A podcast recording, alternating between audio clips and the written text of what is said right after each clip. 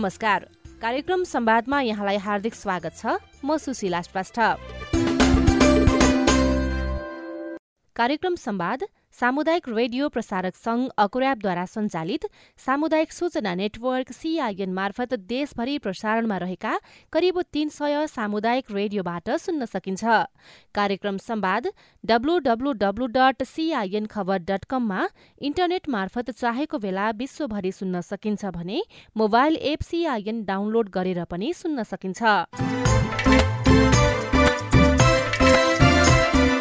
World vision international नेपालसँगको सहकार्यमा तयार पारिएको यो कार्यक्रम बालविवाह लगायतका हानिकारक परम्परागत अभ्यासहरूको अन्त्यका लागि भइरहेका प्रयासमा केन्द्रित रहनेछ। आजको कार्यक्रम संवादमा हामी नेपालमा बाल विवाह अन्त्यका लागि मानव अधिकार सम्बन्धी संवैधानिक आयोगका अध्यक्ष तथा सरकारवालाहरूको प्रतिबद्धताका विषयमा छलफल गर्नेछौं। गत हप्ता कार्यक्रम संवादमा हामीले नेपालमा बाल विवाह अन्त्यका लागि मानव अधिकार सम्बन्धी संवैधानिक आयोग र संघ संस्था बीचको गोलमेज छलफल प्रस्तुत गरेका थियौं। सामुदायिक रेडियो प्रसारक संघ र वर्ल्ड भिजन इन्टरनेशनल नेपालको आयोजनामा सम्पन्न बाल विवाह अन्त्यका लागि सरकारवाला तथा संवैधानिक आयोगहरू बीचको गोलमेज संवाद कार्यक्रममा सरकारवाला तथा संवैधानिक आयोगहरूले बाल विवाह अन्त्यका लागि गरिरहेका प्रयास र भूमिकाका विषयमा छलफल गरेका थियौं। आजको कार्यक्रममा हामी गोलमेज छलफलको बाँकी अंश प्रस्तुत गर्दैछौ। छलफललाई सहजीकरण गर्दै हुनुहुन्छ राष्ट्रिय बाल अधिकार परिषदका पूर्व कार्यकारी निर्देशक मिलन राज धरेल म राष्ट्रिय दलित आयोगका सचिवज्यू समक्ष आउन चाहन्छु। यदि अहिलेको हाम्रो बाल विजयका घटनाहरू र बाल सुधार गृहमा राखिएका बालकहरूको तथ्याङ्क हेर्नुभयो भने अधिकांश बलात्कारको मुद्दामा र दलित बालबालिकाहरू बालकहरू सुधार गृहमा हुनुहुन्छ। यथार्थमा जानुभयो भने त्यसमा अस्सी प्रतिशतभन्दा बढी बालकहरू चाहिँ खासमा बाल विवाह तर उपल्लो जातिको केटीसँग प्रेम सम्बन्ध विवाह गरेका कारण उसको केसलाई चाहिँ अपराधीकरण गरिएर सुधार गृहमा राखिएको अवस्था छ जबरजस्ती करणीमा कन्भर्ट गरिएको केसहरू छन्। दलित आयोगले यो पक्षलाई अलिकति सिरियसली हेर्नुपर्ने हो कि र कसरी यस्तो केसहरूलाई चाहिँ एड्रेस गर्न सक्छ? वा सरकारको ध्यान आकर्षण गराउन सक्छ यो विषयमा। डेफिनेटली संवैधानिक आयोगहरू बार्किङ डग हुन् होइन? ल्यापिङ डग त होइनन् बाइटिङ डग पनि होइनन्। बार्किङ डग चाहिँ हुन्। तर अलिक बेसी चाहिँ बार्क गर्नु पऱ्यो भन्ने हाम्रो मान्यता हो। बाइटै चाहिँ गर नगर्न सके पनि बार्किङको भोइस चाहिँ अलि लाउडर हुनु पऱ्यो भन्ने हिसाबले। दलित आयोगका सचिवज्यू हस् धन्यवाद। यो जुन दलित बालबालिकाहरूको अझ विशेष गरी प्रश्न उठाउनु भयो यो निश्चय पनि एउटा निकै विकृतिको रूपमा देखिएको छ। समाजका त्यही अलिकति प्रतिष्ठित वर्गहरूको सँग यस्तो समस्या देखियो भने चाहिँ सबै मेलमिलापको हिसाबले अगाडि गएर मिलाउने त्यसमा सबै वर्ग अगाडि बढ्ने जस्तै जनप्रतिनिधिहरू पनि अब यसमा भनौँ न उहाँहरूको आफ्नै फेरि एउटा स्वार्थ होला। पछाडि भोट ब्याङ्कका कुराहरू होलान्।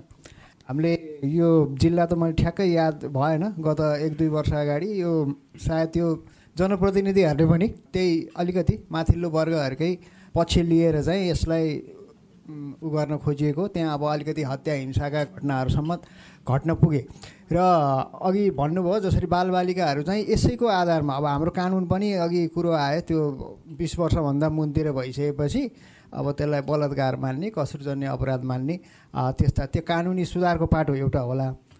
तर त्यही वर्ग जुन तल्लो वर्गमा छ जुन विभेदमा परेको छ पीडित छ त्यसैले चाहिँ झन् पीडा भोग्नुपर्ने यो सामाजिक अहिलेको यथार्थ हो। अब यसको लागि चाहिँ हामीले मुख्य रूपमा सचेतना नै मुख्य हो।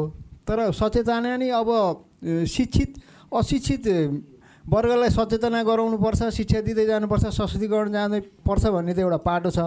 तर जसले बुझेका छन् जसले यो निधायक अभिनय गर्छन् जसले बुझेका छन् यो कुरो सही हो तर यिनीहरूको लागि चाहिँ अब कसरी अगाडि बढ्न सकिन्छ भनेर चाहिँ अब एउटा बार्किङ ढक्कै हिसाबले पनि गम्भीर भएर सोच्न पर्ने अवस्था आएको छ। हामीले विभिन्न नीतिगत रूपमा पनि यसलाई सम्बोधन गर्ने प्रयास गरेका छौँ। अहिले पछिल्लो समय हामी अहिले राष्ट्रिय दलित ऐन दुई हजार चौहत्तरपछि त्यसलाई नियमावली बनाउने क्रममा रहेका छौँ। र यस्ता कस्ता विषयहरू सबैलाई हामीले समेटेर अगाडि बढ्न सकिन्छ भन्ने विषयमा एक दुई सिटिङ म पनि बसेको थिएँ।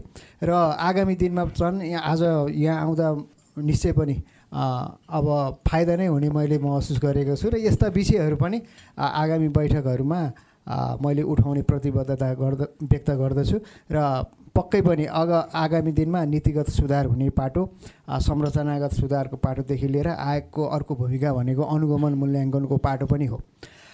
हामी स्रोत साधन कमी छ तर हामीले अनुगमन चाहिँ आफूले भ्याएसम्म हाम्रो क्षमताले भ्याएसम्म गरेकै छौँ। अब जस्तो भर्खरै एउटा दैलेखमा चाहिँ यो नागरिकता सम्बन्धी जुन नाम अर्कै राखिदिने होच्याउने किसिमको छ। त्योसँग विषयमा नै आयोग आफै जानुपर्छ भनेर भर्खरै मान्य सदस्यज्यूबाट अनुगमन भएर आएको अवस्था छ। त्यसपछि त्यहाँको स्थानीय प्रशासनले नै तत्कालै यसलाई सुधार गर्दै अगाडि बढेको अवस्था पनि छ। यदि हामीले उही बाइटिङ नभए नि पार्किङबाट पनि काम चल्दो रहेछ भन्ने केही सङ्केतहरू देखिएको छ र निश्चय पनि आगामी दिनमा हामीले यसलाई नीतिगत रूपमा सुधार गर्दै लैजाने यहाँ मैले आफ्नो प्रतिबद्धता व्यक्त गर्छु। आफ्नो पक्षबाट हस् धन्यवाद। धन्यवाद सचिवज्यू। म हाम्रो राजेशजीतिर आउँछु होइन। राजेशजीहरूले अघि हामीले थुप्रै सचेतनाका अभियानहरू अनि मानव अधिकार आयोगसँगको सहकार्यहरू गऱ्यौँ भन्नुभयो। तपाईँहरूले मानव अधिकार आयोगसँगको सहकार्य गर्दा सचेतनाको कुरा गर्दा अघि श्यामजीले पनि भन्नुभयो सिस्टेमिक एप्रोच भन्नुभयो होइन। स्थानीय तहमा चाहिँ सिस्टम बिल्डिङका कुरामा त्यसपछि गएर अघि भने जस्तो अधिकारको दृष्टिकोणले बाल विवाहका कारण यो अधिकार उल्लङ्घन भयो यसमा कारवाही गरिपाउँ भन्ने हिसाबले कतिपटक आवाजहरू उठाउनु भयो। त्यसमा सुनवाई हुन सक्यो कि सकेन अथवा सक्नु भएन भने के कारणले त्यस्तो आवाज उठाउन सक्नु भएन त? मैले अघि सुरुमा नै एकचोटि भनेको थिएँ सिजपले काम गर्ने भनेको इभिडेन्स बेस एडभोकेसी नै हो र मिलन सरको जोड पनि त्यो इभिडेन्स बेसमै छ। इभिडेन्स बेसमा के गर्नुभयो भन्ने नै। र स्थानीय तहमा सिजपको मेम्बर संस्थाहरू स्थानीय तहमा पनि कार्यरत भएको भएर स्थानीय तहको नीति योजना र कार्यक्रममा सपोर्ट गर्ने र त्यहाँ चाहिँ बालबालिकाहरू जोखिममा नपरुन् भनेर जस्तो जस्तो हाम्रो अब बालबालिका सम्बन्धी ऐनले विशेष संरक्षणको आवश्यकता भएका बालबालिकादेखि अरू कुराहरू जुन उल्लेख गरेको छ त्यसलाई स्थानीय तहमै इम्प्लिमेन्टेसन गर्नको लागि मेम्बर संस्थाहरू मार्फत सिजपले काम गर्ने कुरा त एउटा पार्ट छ। अर्को त्यस्तो इस्युहरूमा समस्या हुँदा त्यसलाई चाहिँ कसरी एड्रेस गर्ने भन्दा अहिले हामी जाने भनेको राष्ट्रिय मानव अधिकार आयोग नै छ अहिलेसम्मको कुरा। विगतमा हामीले राष्ट्रिय बाल अधिकार परिषदसँग सहकार्य गरेर परिषदले पनि सङ्घीय मन्त्रालयसँग त्यो रिकमेन्डेसन गरोस् आग्रह गरोस् र त्यसरी अगाडि बढौँ भनेर प्रयास पनि भयो र विगतको अनुभव पनि छ। मानव अधिकार आयोगसँग कुरा गर्दाखेरि चाहिँ यस घटनाहरू कुनै घटनाहरू नै टेकेर यो यस्तो घटनाहरू भयो तपाईँको ध्यान आकर्षण होस् र आयोगले चाहिँ रिकमेन्डेसन गरिदियोस् सरकारलाई भनेर हामीले इन्डिभिजुअल घटनाहरू पनि लिएर जाने गरेका छौँ।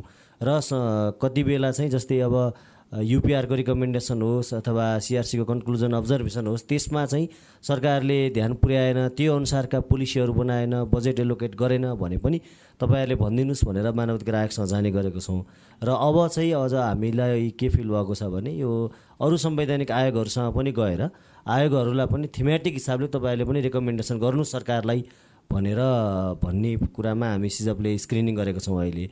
र मैले एउटा त्यही भन्दा अहिले अर्जुन भाइलाई देखेको छु।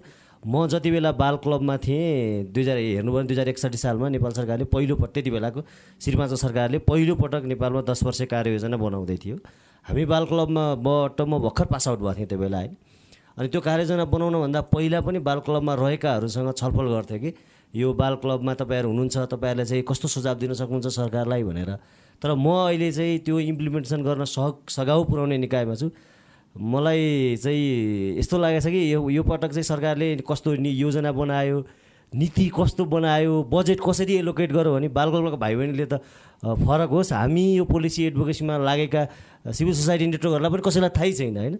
यस्तो असंवेदनशील सरकार भएको बेला चाहिँ र यो हाम्रो संवैधानिक अङ्गहरूको चाहिँ मानव अधिकार आयोगदेखि अरू संवैधानिक आयोगहरूको चाहिँ एकदम महत्त्वपूर्ण भूमिका हुन्छ। र हामीले अहिले इभिडेन्सहरू कलेक्ट गरेको छौँ। खास गरी बाल संवेदनशीलता कहाँ कहाँ हुनु पर्थ्यो किन हुन सकेका छैन? जस्तै खोपको कुरामा होस् त्यसपछि गएर खाद्यान्नको कुरामा होस् एउटा जस्तै अस्ति पाठशालाको जस्तो केसमा होस् होइन? त्यस्तै अस्ति झापामा तिनजना बहिनीले सुसाइड गर्नुभयो यस्तो धेरै थुप्रै घटनाहरू हामीले कलेक्सन गरेको छौँ। यस्तो घटनाहरूमा चाहिँ सरकारको निकाय कसले बोल्नु पर्थ्यो किन चाहिँ हुन सकेको छैन?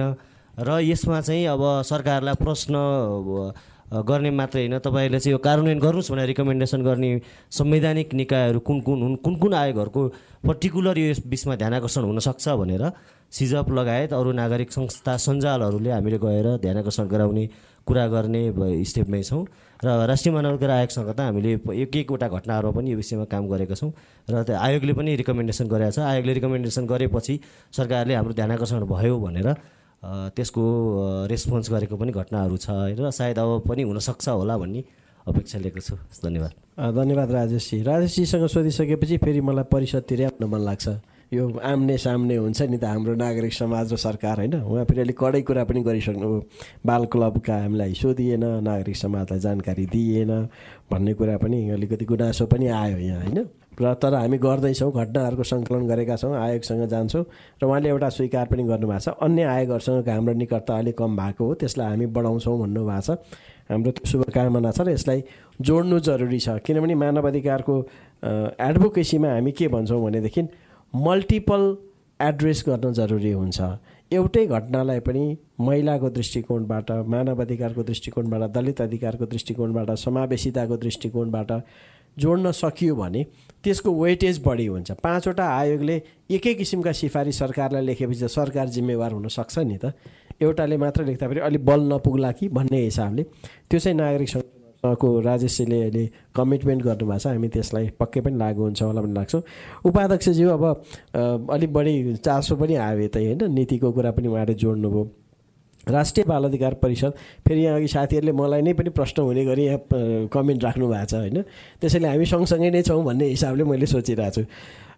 राष्ट्रिय बाल अधिकार परिषदले विगतमा दुईवटा महत्त्वपूर्ण कामहरूलाई अगाडि बढाएको थियो। मैले उपाध्यक्षज्यूको पुनस्मरणको लागि गरेँ। एउटा चाहिँ मानव अधिकार आयोग संवैधानिक आयोगहरूसँगको साझा मञ्च हामी सञ्चालन गर्थ्यौँ। त्यसमा चाहिँ मान्य सदस्यज्यूहरू नै उपस्थित हुनुभएको थियो। बाल अधिकार उल्लङ्घन र हननका टड्का र विषयहरूलाई लिएर परिषदले समय समयमा आयोगका आयुक्तज्यूहरूसँग बसेर छलफल परामर्श गर्ने र उहाँहरूको मार्गदर्शन लिने र त्यसलाई सामूहिक एउटा बनाउने काम गर्थ्यो। त्यो अलिक ग्याप भएको छ कि भन्ने देखिन्छ। अर्को जस्तो तत्काल हामीले कुनै पनि घटनाहरू देख्यौँ भने हामीले सम्बोधन गर्थ्यौँ। अहिले जुन अघि मैले घटना भने त्यसमा बाल अधिकार परिषदले बोलेन होइन? अथवा उदयपुरमा बाढी गयो त्यसमा बाल अधिकार परिषदले कति बोल्यो त्यहाँ बाल विवाहको सम्भावना कति रहन्छ होला अथवा खाद्य सङ्कट पऱ्यो कहीँ त्यहाँनिर कस्तो रह्यो होला? र अर्को एउटा महत्त्वपूर्ण कुरा चाहिँ स्थानीय तहमा अघि लोचनजीले पनि भन्नुभयो स्थानीय तहमा हामीले विशेष अभियान सञ्चालन गरिसकेका थियौँ। त्यसको पुनर्जागरण गर्नु जरुरी छ किनभने हामीले सञ्चालन गरिसकेपछि नयाँ नेतृत्व आएको छ। नयाँ नेतृत्वलाई फेरि यो पर्याप्त जानकारी नहुन सक्छ। यो तिनवटै कुरालाई लिएर बालविवाह अन्त्यको दृष्टिकोणबाट फेरि पनि होइन बालविवाह अन्त्यको दृष्टिकोणबाट समग्र बाल अधिकार प्रणाली र बाल संरक्षण प्रणालीलाई व्यवस्थित गर्ने क्रस बोर्डर कोअपरेसनलाई बलियो बनाउने र आयोगहरूसँगको सहकार्यलाई अलि थप जागरुक बनाउने हिसाबले अब उपाध्यक्षज्यू नै त्यहाँ हुनुभयो भएर सायद छिटै परिषदको पनि बैठक बस्दैछ। त्यसमा कस्ता एजेन्डा जान सक्छन् होला? अलिकति हजुरले यसलाई सबै सम्बोधन गर्ने गरी भनिदिनु पर्ला। धन्यवाद। हामीले जुन अहिलेसम्मको यो डिस्कसनमा धेरै महत्त्वपूर्ण विषयहरूमा हामीले छलफल गरिसकेका छौँ र मलाई के लाग्छ भने अलिकति प्रतिनिधिमूलक पनि जो हाम्रो इस्युजहरू निकै अध्ययन गरेर उठाउनु भयो यो जरुरी थियो। र मलाई अहिले के लाग्छ भने हामी अलिकति बिचमा ग्याप चाहिँ भएको यो नयाँ र नयाँ टिम जुन केही परिवर्तन हुँदाखेरि बिचमा ग्याप भएको छ त्यसमा हामी कसरी यो ग्यापलाई चाहिँ फुलफिल गर्ने भन्ने विषयमा संवेदनशील छौँ र अब परिषदको बैठक निकट भविष्यमै हुँदैछ। यसमा हामीले लानुपर्ने एजेन्डाहरू र पास गर्नुपर्ने रणनीति नीतिहरू के के हुन् भन्ने कुरामा पनि हामी त्यत्तिकै संवेदनशील छौँ र अभ्यास गरिरहेको कुरा यहाँहरूलाई जानकारी गराउन चाहन्छु। र बाल अधिकार परिषदले जुन अग अगाडिको गतिविधि गरेको थियो त्यो लिगेसीलाई चाहिँ हामी त्यहीँबाट टेकेर अगाडि बढ्ने कुरा पनि म यहाँहरू समक्ष प्रतिबद्धता गर्न चाहन्छु र हामी नयाँ कामभन्दा पनि भइरहेको कामलाई कसरी उत्कृष्ट बनाउने र आफ्नो लक्ष्यमा पुग्ने भन्ने विषयमा हामी लाग्छौँ नै। र सिजपको लगायत सम्पूर्ण मानव अधिकारको यो टिमले जुन जुन विषयहरू उठाउनु भएको छ यो हाम्रा साझा विषयहरू हुन् साझा एजेन्डाहरू हुन् र बालविवाह अन्त्य गर्नको लागि जुन एउटै विषयमा आज सिरियस इस्युमा जुन डिस्कसन भइरहेको छ यो ऐतिहासिक र महत्त्वपूर्ण छ। यो तपाईँ हामी सबै जिम्मेवार भएर लाग्ने हो भने अब तिससम्ममा हामी यो टार्गेटमा हामी पुग्छौँ। तर जसको लागि चाहिँ अब हाम्रो एक्सन प्लान चाहिँ जरुरी छ भन्ने मलाई लाग्छ र हामी बाल अधिकार परिषदबाट पनि यो विषयलाई चाहिँ हामी यो पटक अब आजदेखि मलाई पनि यो धेरै यही विषयमै जान्छौँ भन्ने चाहिँ थिएन। यो आजको इस्यु बेस इन्ट्रेक्सनले चाहिँ मलाई पनि त्यतातिर चाहिँ यो चाहिँ संवेदनशील विषयमध्ये एउटा महत्त्वपूर्ण विषय रहेछ भन्ने लागेको हुनाले यसमा हामी काम गर्छौँ भन्ने प्रतिबद्धता व्यक्त गर्न चाहन्छु। र यो टिमसँग जति ग्याप भएको छ यो हामीले जानी जानी नियोजित ढङ्गबाट भएको छैन। र हामी हाम्रो सरकारको तर्फबाट र हाम्रो संस्था परिषदको तर्फबाट म के भन्न चाहन्छु भने कतिपय हामीमा कमजोरी भयो भने यहाँहरूले झकझक्याउनु पनि यहाँहरूको बाध्यता हुनु प- यहाँहरूको पनि जिम्मेवार हुन्छ र जिम्मेवार ठाउँमा यहाँहरू आइसकेपछि हामीले त्यसलाई कति सम्बोधन गर्छौँ या गर्दैनौँ भन्ने कुराबाट मात्रै यो चाहिँ ग्याप हो कि भन्ने कुरा हुन्छ। अहिले चाहिँ हामी पनि गर्दैछौँ र मिलन सरले चाहिँ यसको पुलको रूपमा चाहिँ काम नगरी धर पाउनुहुन्न हामी यसरी लिन्छौँ। कुनै पनि मान्छे भोलि जाँदाखेरि मिलन सरले चाहिँ यसलाई चाहिँ ग्याप फुलफिलिङ गर्ने। बिचबिचमा उहाँले गरिराख्नु भएको छ मलाई थाहा छ डाइरेक्टली इन्डाइरेक्टली। र हामी के चाहन्छौँ भने वास्तवमा कुनै पनि सङ्घ संस्थामा रहँदाखेरि हामी त्यो ठाउँमा केही कामहरू आफ्नो जिम्मेवारीहरू छोडेर जान्छौँ। यसलाई हामीले भनेका छौँ यो विभिन्न सङ्घ संस्था आयोगहरूमा पोलिटिकल अपोइन्टमेन्टहरू हुने गर्छ। यसले गर्दा कतिपय चाहिँ राजनीतिक नियुक्तिहरूबाट आउने मान्छेले राजनीतिक गर्छन् भन्ने कुराहरू चाहिँ बढी संवेदनशील हुन्छ। र मैले चाहिँ के भनेको छु भने राष्ट्रिय बाल अधिकार परिषदभित्र छिरेपछि त्यो गेटभन्दा बाहिर म राजनीतिक मान- मान्छे हुन सक्छु। त्यहाँभित्र छिरेपछि जम्मा जम्मै बालबालिकाको एउटा जिम्मेवार नागरिक हुन सक्छु। भनेर मैले सुरुमै प्रतिबद्धता गरेको हुनाले म यहाँहरूलाई यो प्रतिबद्धता सहित अब के के हुनसक्छ अब परिषद हुँदैछ। यहाँहरूले पनि हामीलाई इमेल अथवा कुनै केही मार्फत यहाँहरूले पास गर्नुपर्ने विषय अति संवेदनशील छन् भने हामीलाई उपलब्ध गराइदिनु होला सुझाव दिनु होला। हामी त्यसलाई पास गरेर लाने सकेसम्म हामी पास गरेर लाने र त्यसलाई कार्यान्वयनको तहमा लाने प्रतिबद्धता पनि हाम्रो परिषदको तर्फबाट गर्न चाहन्छु। धन्यवाद। धन्यवाद र भाइजीले एउटा कुरा जो अर्जुनजीले भनेको हामी जुन नीति नियमले नीति पनि बनाएको छ नियमले पनि बनाएको छ त्यो अनुसार हामी सङ्घ प्रदेश र स्थानीय तिनटै ठाउँमा चाहिँ अहिले लगभग दुई सय पच्चिस या कति हाम्रो चाहिँ स्थानीय तहमा हाम्रो स्ट्रक्चर बनिसकेको छ नीति अनुसार। सात सय त्रिपन्नवटैमा जाने पनि हामी प्रतिबद्धता गर्दछौँ। त्यो गइसकेपछि त्यो चाहिँ सिस्टम चल्छ र त्यसले चाहिँ बालविवाहको इस्युलाई पनि कन्ट्रोल गर्न सक्छ। र त्यसलाई चाहिँ हामी इन्ट्रेक्सन गरेर हामी जाने प्रतिबद्धता पनि व्यक्त गर्न चाहन्छु। धन्यवाद। हस् धन्यवाद उपाध्यक्षज्यू। म यहाँलाई निवेदन गरौँ राष्ट्रिय बाल अधिकार परिषदले बाल विवाह सम्बन्धी राष्ट्रिय अध्ययन पनि गरेको छ। र त्यो अध्ययनले मूलभूत नीतिगत सुझावहरू र यसको विषयमा राष्ट्रिय अवधारणा पनि त्यसले चाहिँ स्थापित गरेको छ। त्यसो अर्थमा राष्ट्रिय बाल अधिकार परिषद यो विषयप्रति जिम्मेवार छ भन्ने त्यसले पनि पुष्टाइ गर्छ र उपाध्यक्षज्यूको अलिक प्रतिबद्धता पनि त्यहाँनिर आयो। त्यसले पक्कै पनि हामीलाई कार्यान्वयन गर्नेतर्फ अगाडि लैजान्छ।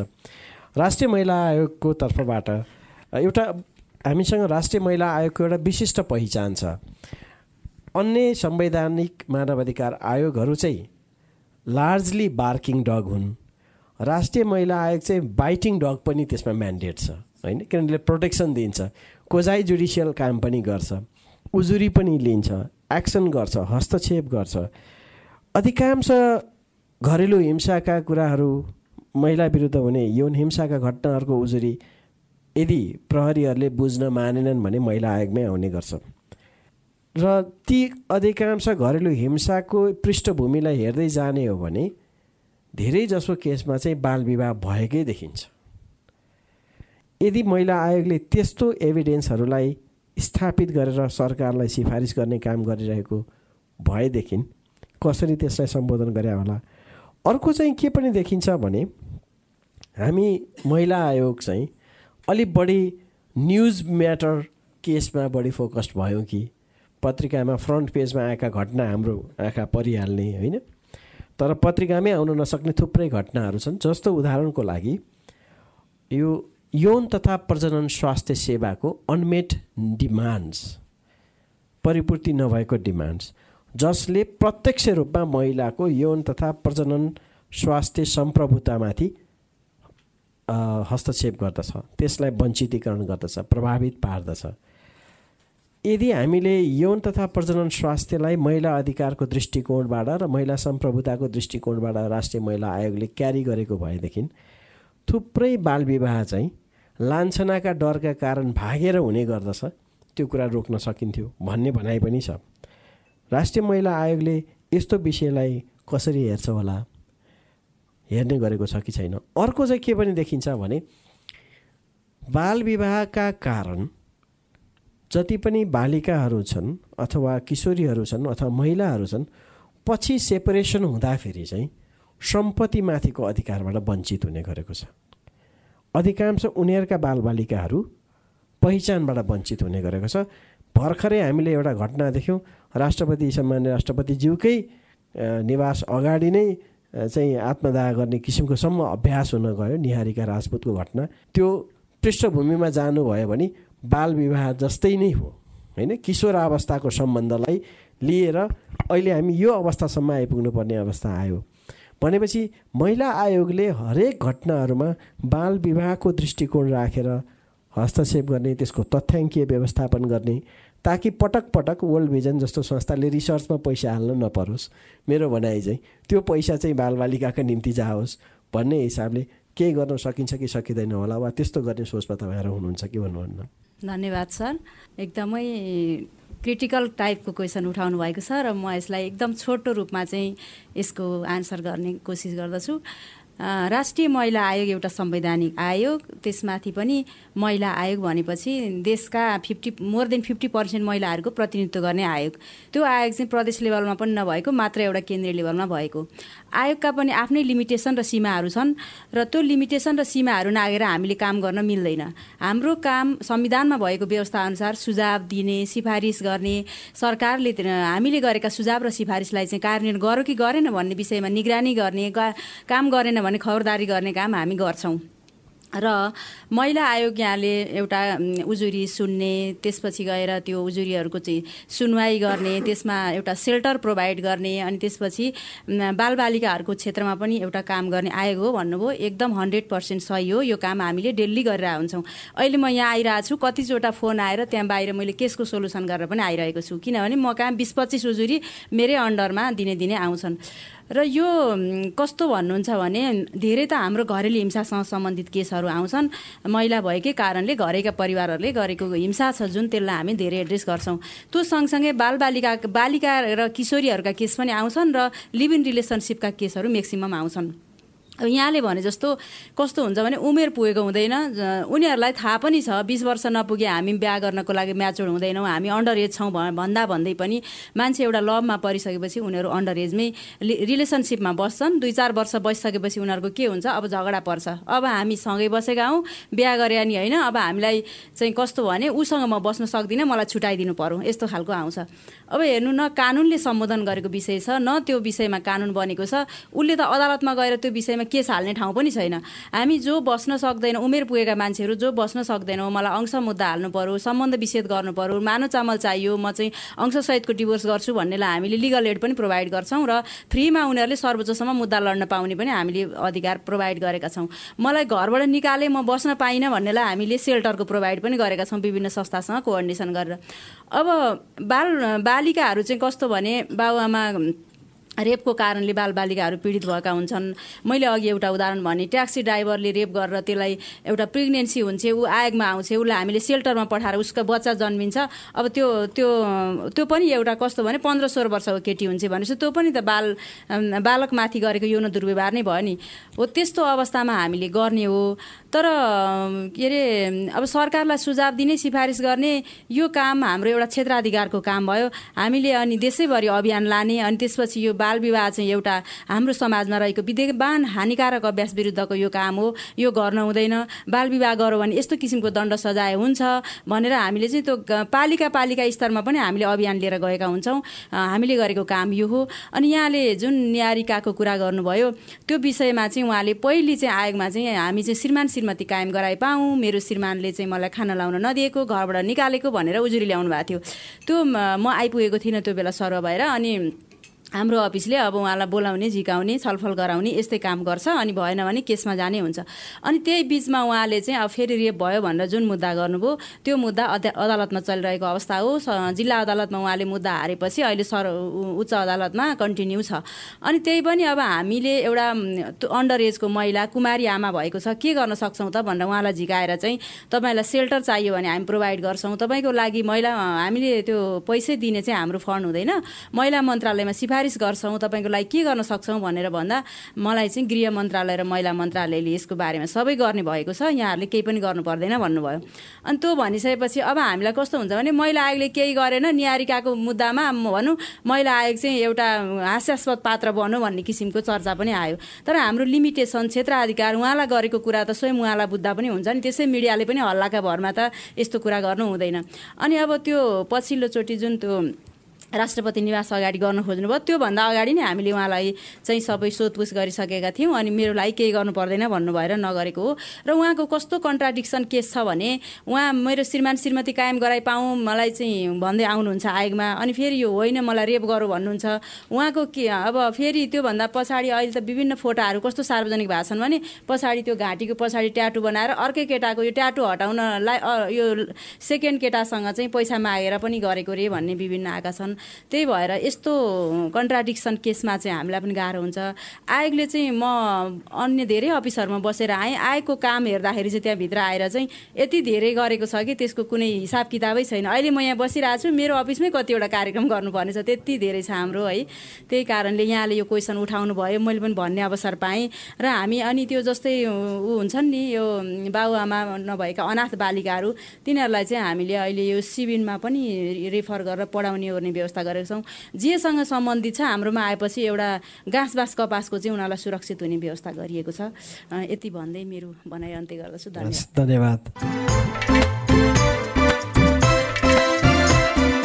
यो सँगै कार्यक्रम संवादको निर्धारित समय सकिने लागेको छ। गोलमेज छलफल कार्यक्रमको बाँकी अंश भने हामी कार्यक्रमको आगामी अङ्कमा प्रस्तुत गर्नेछौं।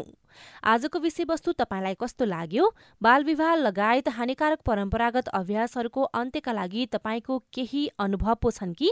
हाम्रो टेलिफोन नम्बर शून्य एक बाहन्न साठी छ चार छमा फोन गरेर दिइएको निर्देशन अनुसार तपाईँ आफ्नो अनुभव तथा सल्लाह सुझाव जिज्ञासा एवं प्रतिक्रिया रेकर्ड गराउन सक्नुहुन्छ।